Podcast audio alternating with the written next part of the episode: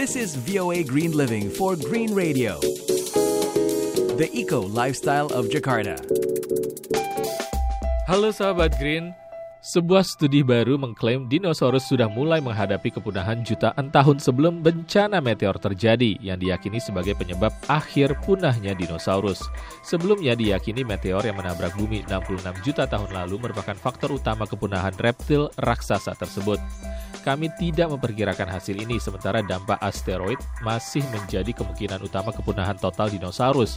Jelas bahwa mereka sudah melewati masa kematangan dalam evolusi. Menurut Manabu Sakamoto dari University of Reading, ahli paleontologi yang memimpin penelitian ini. Melalui analisa statistik dari catatan fosil, para peneliti mengatakan 50 juta tahun sebelum bencana meteor terjadi sebuah penurunan dari semua jenis dinosaurus. Tapi jenis dinosaurus berleher panjang atau sauropod yang menurun lebih cepat. Jenis dinosaurus seperti Tyrannosaurus rex menunjukkan penurunan jumlah yang lebih lambat.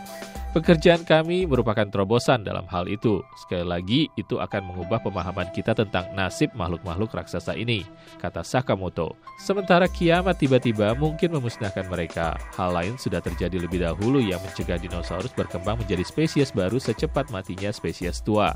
Ini menunjukkan selama puluhan juta tahun sebelum punah, dinosaurus mulai menurun mayoritasnya sebagai spesies dominan di bumi dinosaurus mendominasi dunia kira-kira 150 juta tahun.